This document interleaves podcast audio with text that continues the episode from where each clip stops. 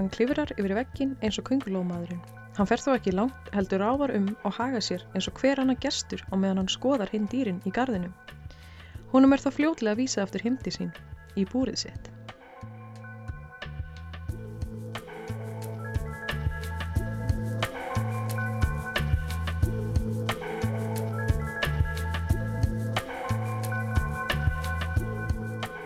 Það eru til ótal sögur af dýrum sem hafa sloppið úr haldi. Þær eru margar skemmtulegar eins og sagan af selkopnum sem slapp úr hústýragarðinum og spókaði sig með ferðamennum á tjaldsvæðinu í Laugadal og merkilegar eins og sagan af kunni Sæjunni sem syndi yfir þveran önundarfjörð til að bjarga lífi sínu. Það eru þá fáar eins ótrúlegar og sögunar sem fara af Ken Allen. En hver var þessi góðsannakendi Ken Allen?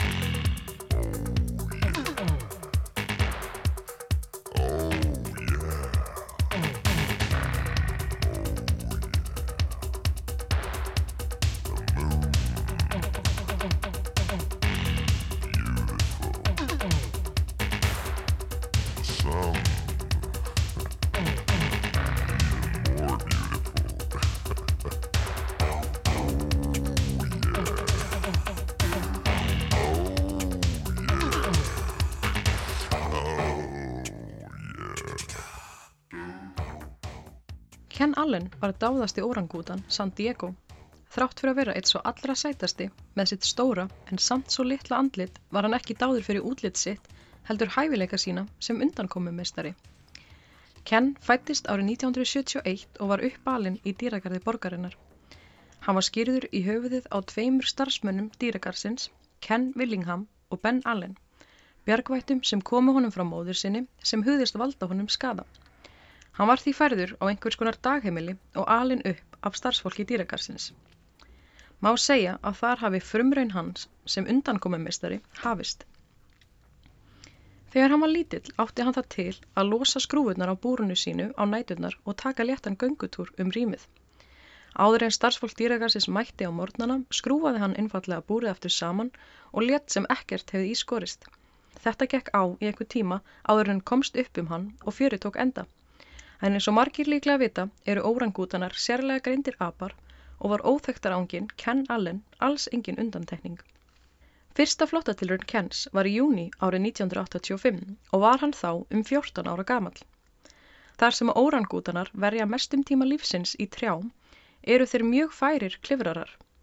Það var því lítið mál fyrir Ken að klifra yfir vegg í búrunu sínu og ráfa um frjálsferða sinna í örskama stund. Ken bjó á opnu svæði sem var gyrt af með hám vegg og skurði fullum af vatni framann við veggin. Eftir fyrsta flóttan var öryggið í búrun hans aukið og veggurinn hækkaður um rúman metra, en það kom fljótt í ljós að það dugði ekki til. Því ekki leið á löngu þangandi Ken slapp aftur, eða nánar tiltekið í júli sama ár. Í þetta skipti var hann fremur uppstökkur, hann heimsóti sinn helsta andstæðing og fyrrum herbyggisfélaga, órangútaninn Ótis, og var hann gripinn, glóð volkur, að kasta í hans steinum. Ótis hefur þó líklega átt þetta steinakast skilið, þar sem hann var ekki þekktur fyrir að vera neitt sérstaklega vingjallegur api. En sögursagnir segja einnig að Ken hafi verið öfundsjúkur yfir því að Ótis hafi fengið fleiri kvennkins órangútana í búrið sitt. Starfsfólki greip þó fljótt inni og eins og venjan var, var honum vísað aftur í búrið sitt án vandræða. Hann slapp þó alltaf aftur. Þegar Ken gæti ekki klifraður búrinu, dó hann ekki ráðalaus. Í eitt skipti fekk hann vinkonu sína Viki, órangútan, á næsta bæ til þess að hjálpa sér. Kærlaus starfsmæður hefði skilja eftir kúpin í búrunu hans sem hann kastaði yfir til Viki og eftir smá leifinningar náðu hún að opna glugga á búrunu og sluppu þau bæði út í örskama stund áður en þeim að vísað aftur heim. Það var eftir þennan flótta sem að Ken var settur tímabundið í búr innanhús og þar hafði hann, sangvænt heimildum, svarkvít sjómar til afnóta með einni stöð. Á meðan Ken var líklega styrlast yfir því að hafa ekki fengið litasjóvarp eða ekki geta skipt um stöð var starfsfólkið að reyna að finna út úr því hvernig best væri að bæta öryggi búrsins. Yfirmenn dýragarsis hafði haft áhyggjur af því að flóta aðgerðir Kens myndi skapa slengt umtal um dýragarðin. En þvert á móti, Ken Allen var orðin að góðsögn. Hann var umtalasta dýr garsins, kallaði hinn Hári í Houdini og var mikið fjalla um hann í fréttum. Dýragarðurinn byrjaði að selja ymsan varningmertan honum og skólakrakkar kom að fót herrferð með slagorðinu Frelsið Ken Allen og seldu bóli og límiða. Svo í kringum árið 2014 var hægt að skella sér á gleðistund og fá sér eitt kaldan frí Ken Allen á brugghúsi í San Diego. En ekki nómið það að það var í fjallaðum Ken í hennum ímsu fréttamiðlum, það átti hann líka aðdáðandahóp sem kallaði sig The Orangang, sem samanstóð að mestu leiti að ellilífyristegum. Gáðu þau meðal annars út tímaritt sem hétt The Orangang News og höfðu um hundra áskrifundur. Svo var það geðlagnirinn Dennis Gersten sem toppaði þetta allt með því að semja lag um Ken Dennis segir að eftir að hafa heyrt söguna um Ken var þann fyrir svo miklum innblástri að það tók hann að einsögn ekki nema tíu mínútur að semja lægið og sló lægið aldeilis í gegn.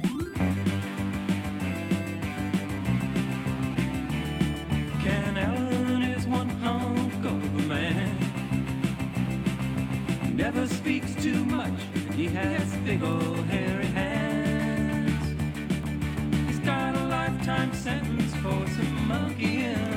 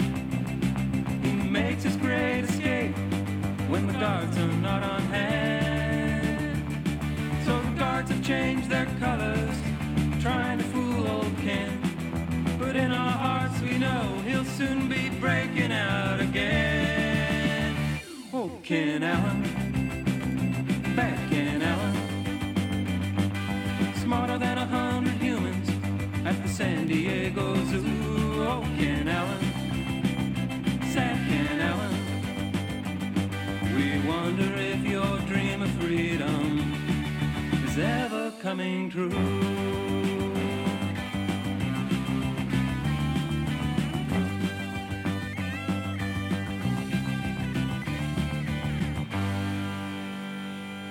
En á meðan vinsaldir Kens jökust átti starfsfólkið engað síður ennþá í vandræðum með að halda Ken innan veggja búrsins.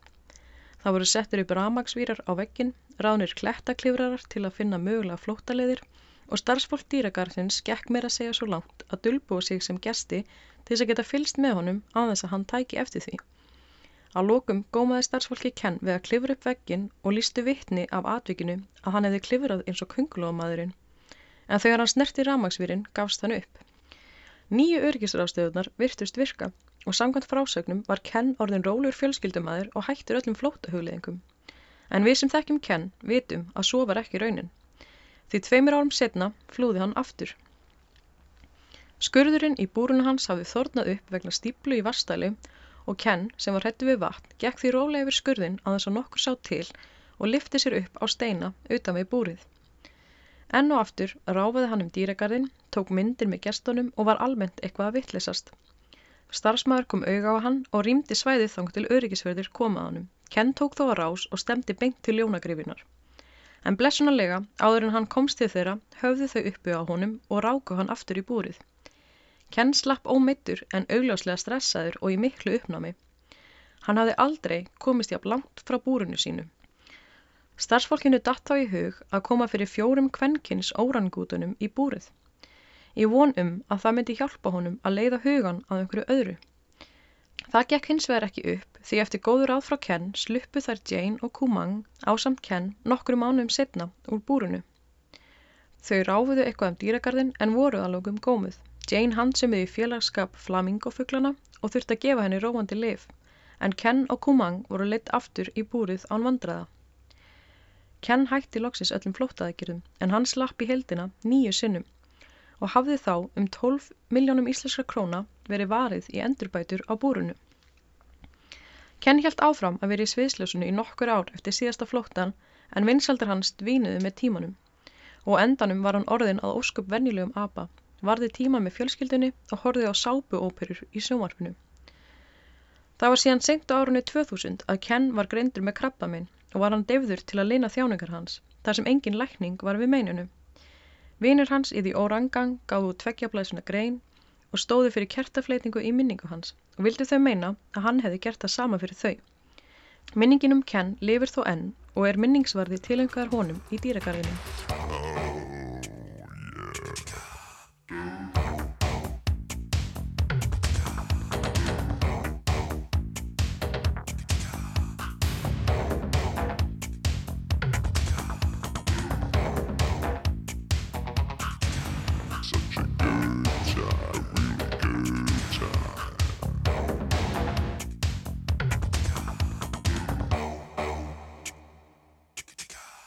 Það er sorglegt að hugsa til þess að Ken hafi aldrei fengið að vera frjáls, en ákveðin huggun í því samt að hann hafi átt góða vini sem komið að heimsækja hann daglega.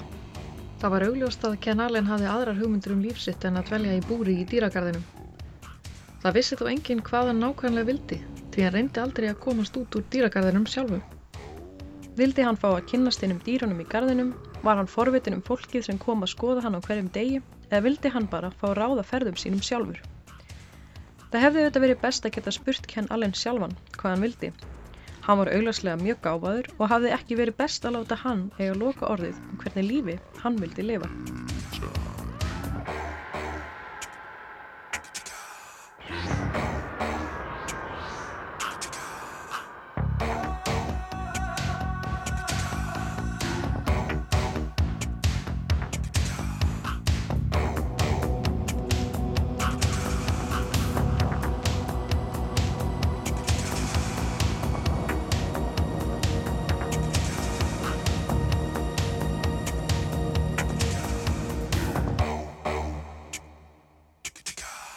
Það hefur þó ekki enn tekist að eiga slík samskipti við önnur dýr, þó að það hafi oft verið reynd.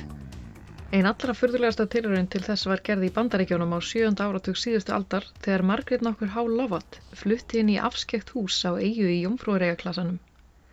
Það væri svo sem ekki í frásögur færandi nema hún flutti inn með ungum höfrungi, Pítur að nafni, og byggu þau þar saman í sex mánuði.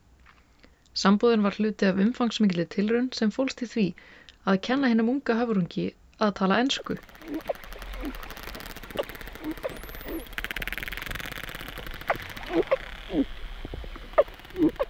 Sagan hefst dag einn árið 1957 í fyrsta sætiragarði Flóriðafylgis sem reyndast á þess að því að vera fyrsti garður sinnar tegundar í heiminum. Vísindamaðurinn John Lilly hafði dvalið þar við rannsóknir á höfrungum en ánast til dækið stöklum eða tannkvölum en hann var heillaður af þessum gáfiðu skeppnum. John var í hróka samræðum við samstarfsmenn sína þegar eiginkona hans, Mary, tók eftir því að einn höfrungana var að herma eftir röttum þeirra með blástusópi sínu. John og félagur örðu steini losnir þegar Mary sagði þeim frá uppgötun sinni. Þessi uppákoma var til þess að spurningar vöknuðum hvort hægt væri að fá höfrunga til að tala. These are some of the sounds they make. What, in the main, do you think dolphins talk about among each other? Oh, food, sex, and danger. Sounds like Westport, Connecticut to me there. Á þessum áru var mikil áhuga á slíkum tilraunum. Eitt af því sem kynnti undir áhugan var að bandaríkin voru í miðju geimkaplifi og vísindamenn geimferðarstofnar bandaríkjana voru mjög upptöknir á því að undirbúa fundi við verur af öðrum hnöttum.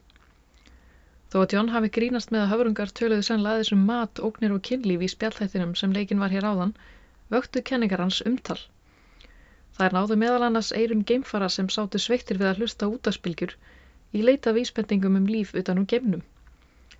Þannig atvikaðist það að John hlauti veglega styrki frá geimferðarstofninni til að láta reyna á samskipti við aðrar lífverur.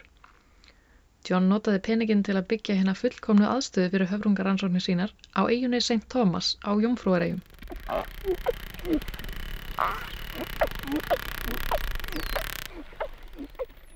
Rannsóknarstofan sem kalluð var höfrungahúsið var stórt hús með útisundlu á neðrihæðinni sem tengd var við sjóin og glugga þar sem hægt var að fylgja snáið með höfrungunum í kafi. Það var þarna sem Margaret H. Lovat heyrði fyrst af John Lilly og rannsóknum hans. Margaret var þá 22 ára og hætt í háskólanámi. Frá barnsaldri hafði hún verið hilluð af hugmyndinum að kenna dýrum að tala. Kveikjana áhuganum var barnabókum kött sem lærði að tala við fólk. Snemma árið 1964 keirði hún upp að höfrungahúsinu þrátt fyrir nokkur skilti á leiðinni sem báðu óviðkomandi að halda sér fjarrri. Mannfræðingurinn Gregory Bateson sem stýrði rannsóknum í höfrungósunu tók á mót henni. Margaret saðist hafa heyrt af starfseminni og vildi fá að taka þátt. Gregory bað hana að fylgjast með höfrungunum í útilöginni og skrifa niður þar sem hún tók eftir. Að klukkutíma liðnum leit Gregory á atvinnir Margaretar og varð svo uppnuminn af innsægi hennar að hann fekk hana til liðs við teimið. Hennar megin hlutverk var talkensla höfrungana. Today is January 27th. The time is 0900 hours. A E I O.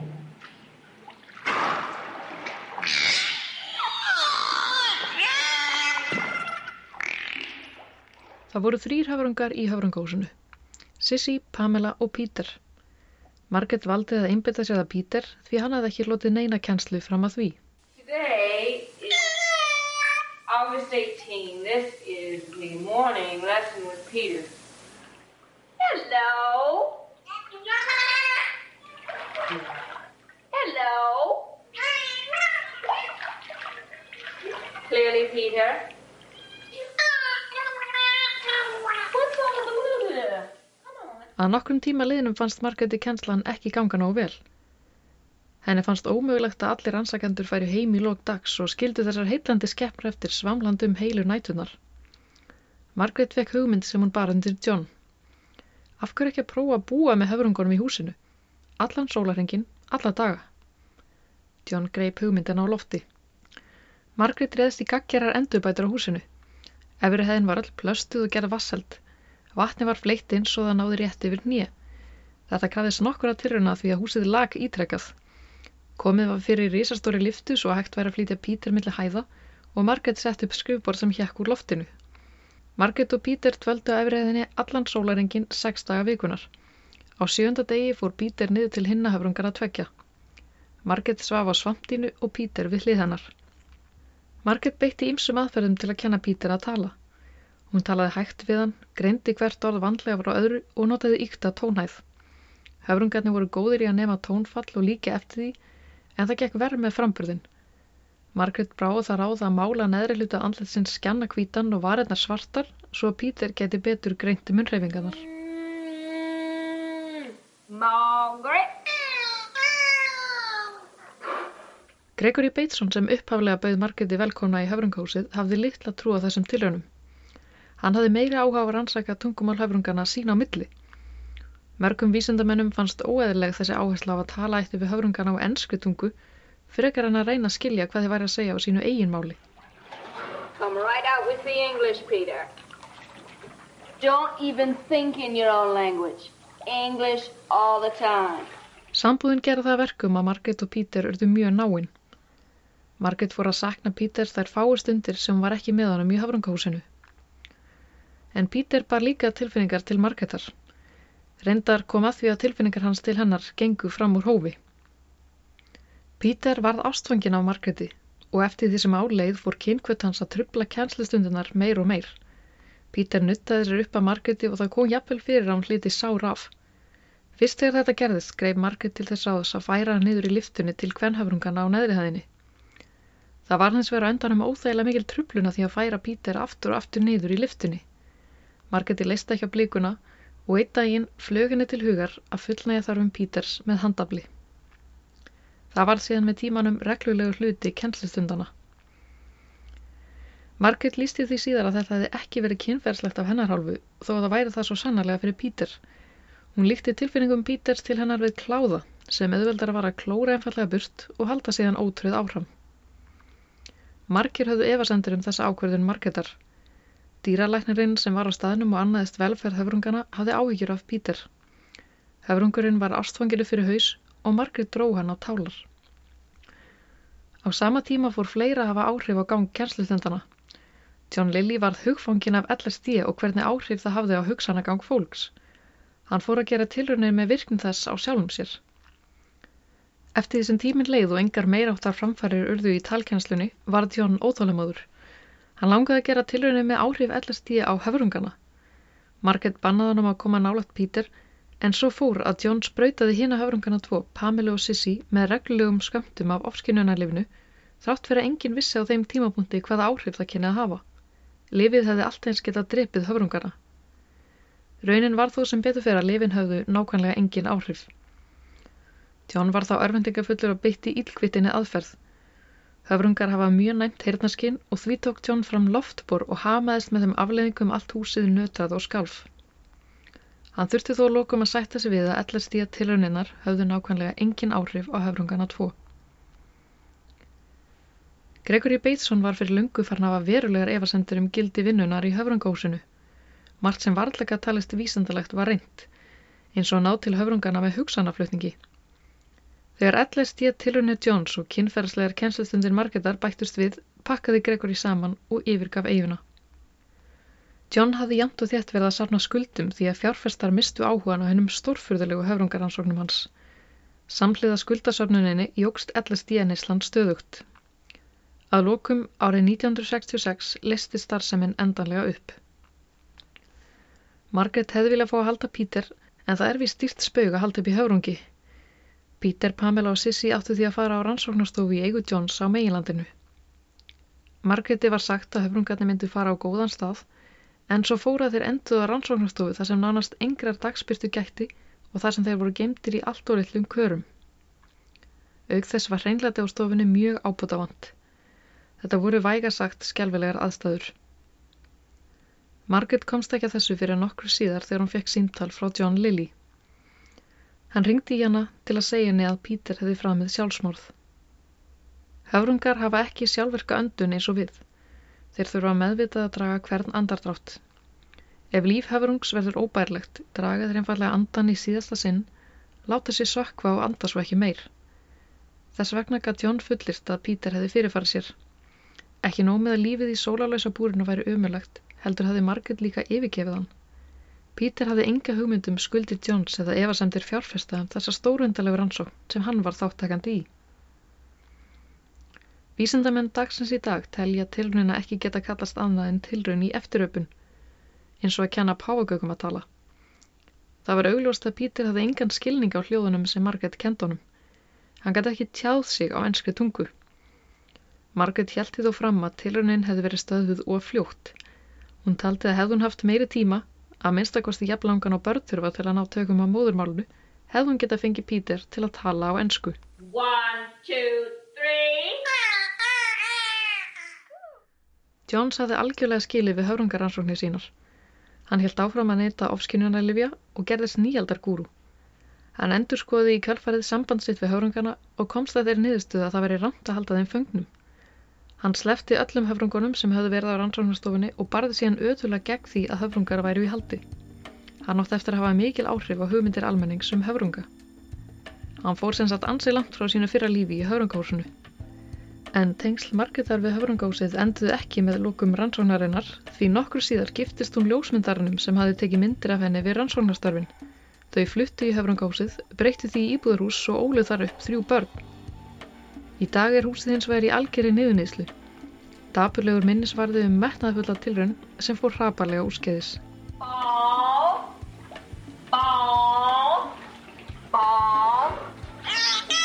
No. Ball. That's better. Yeah.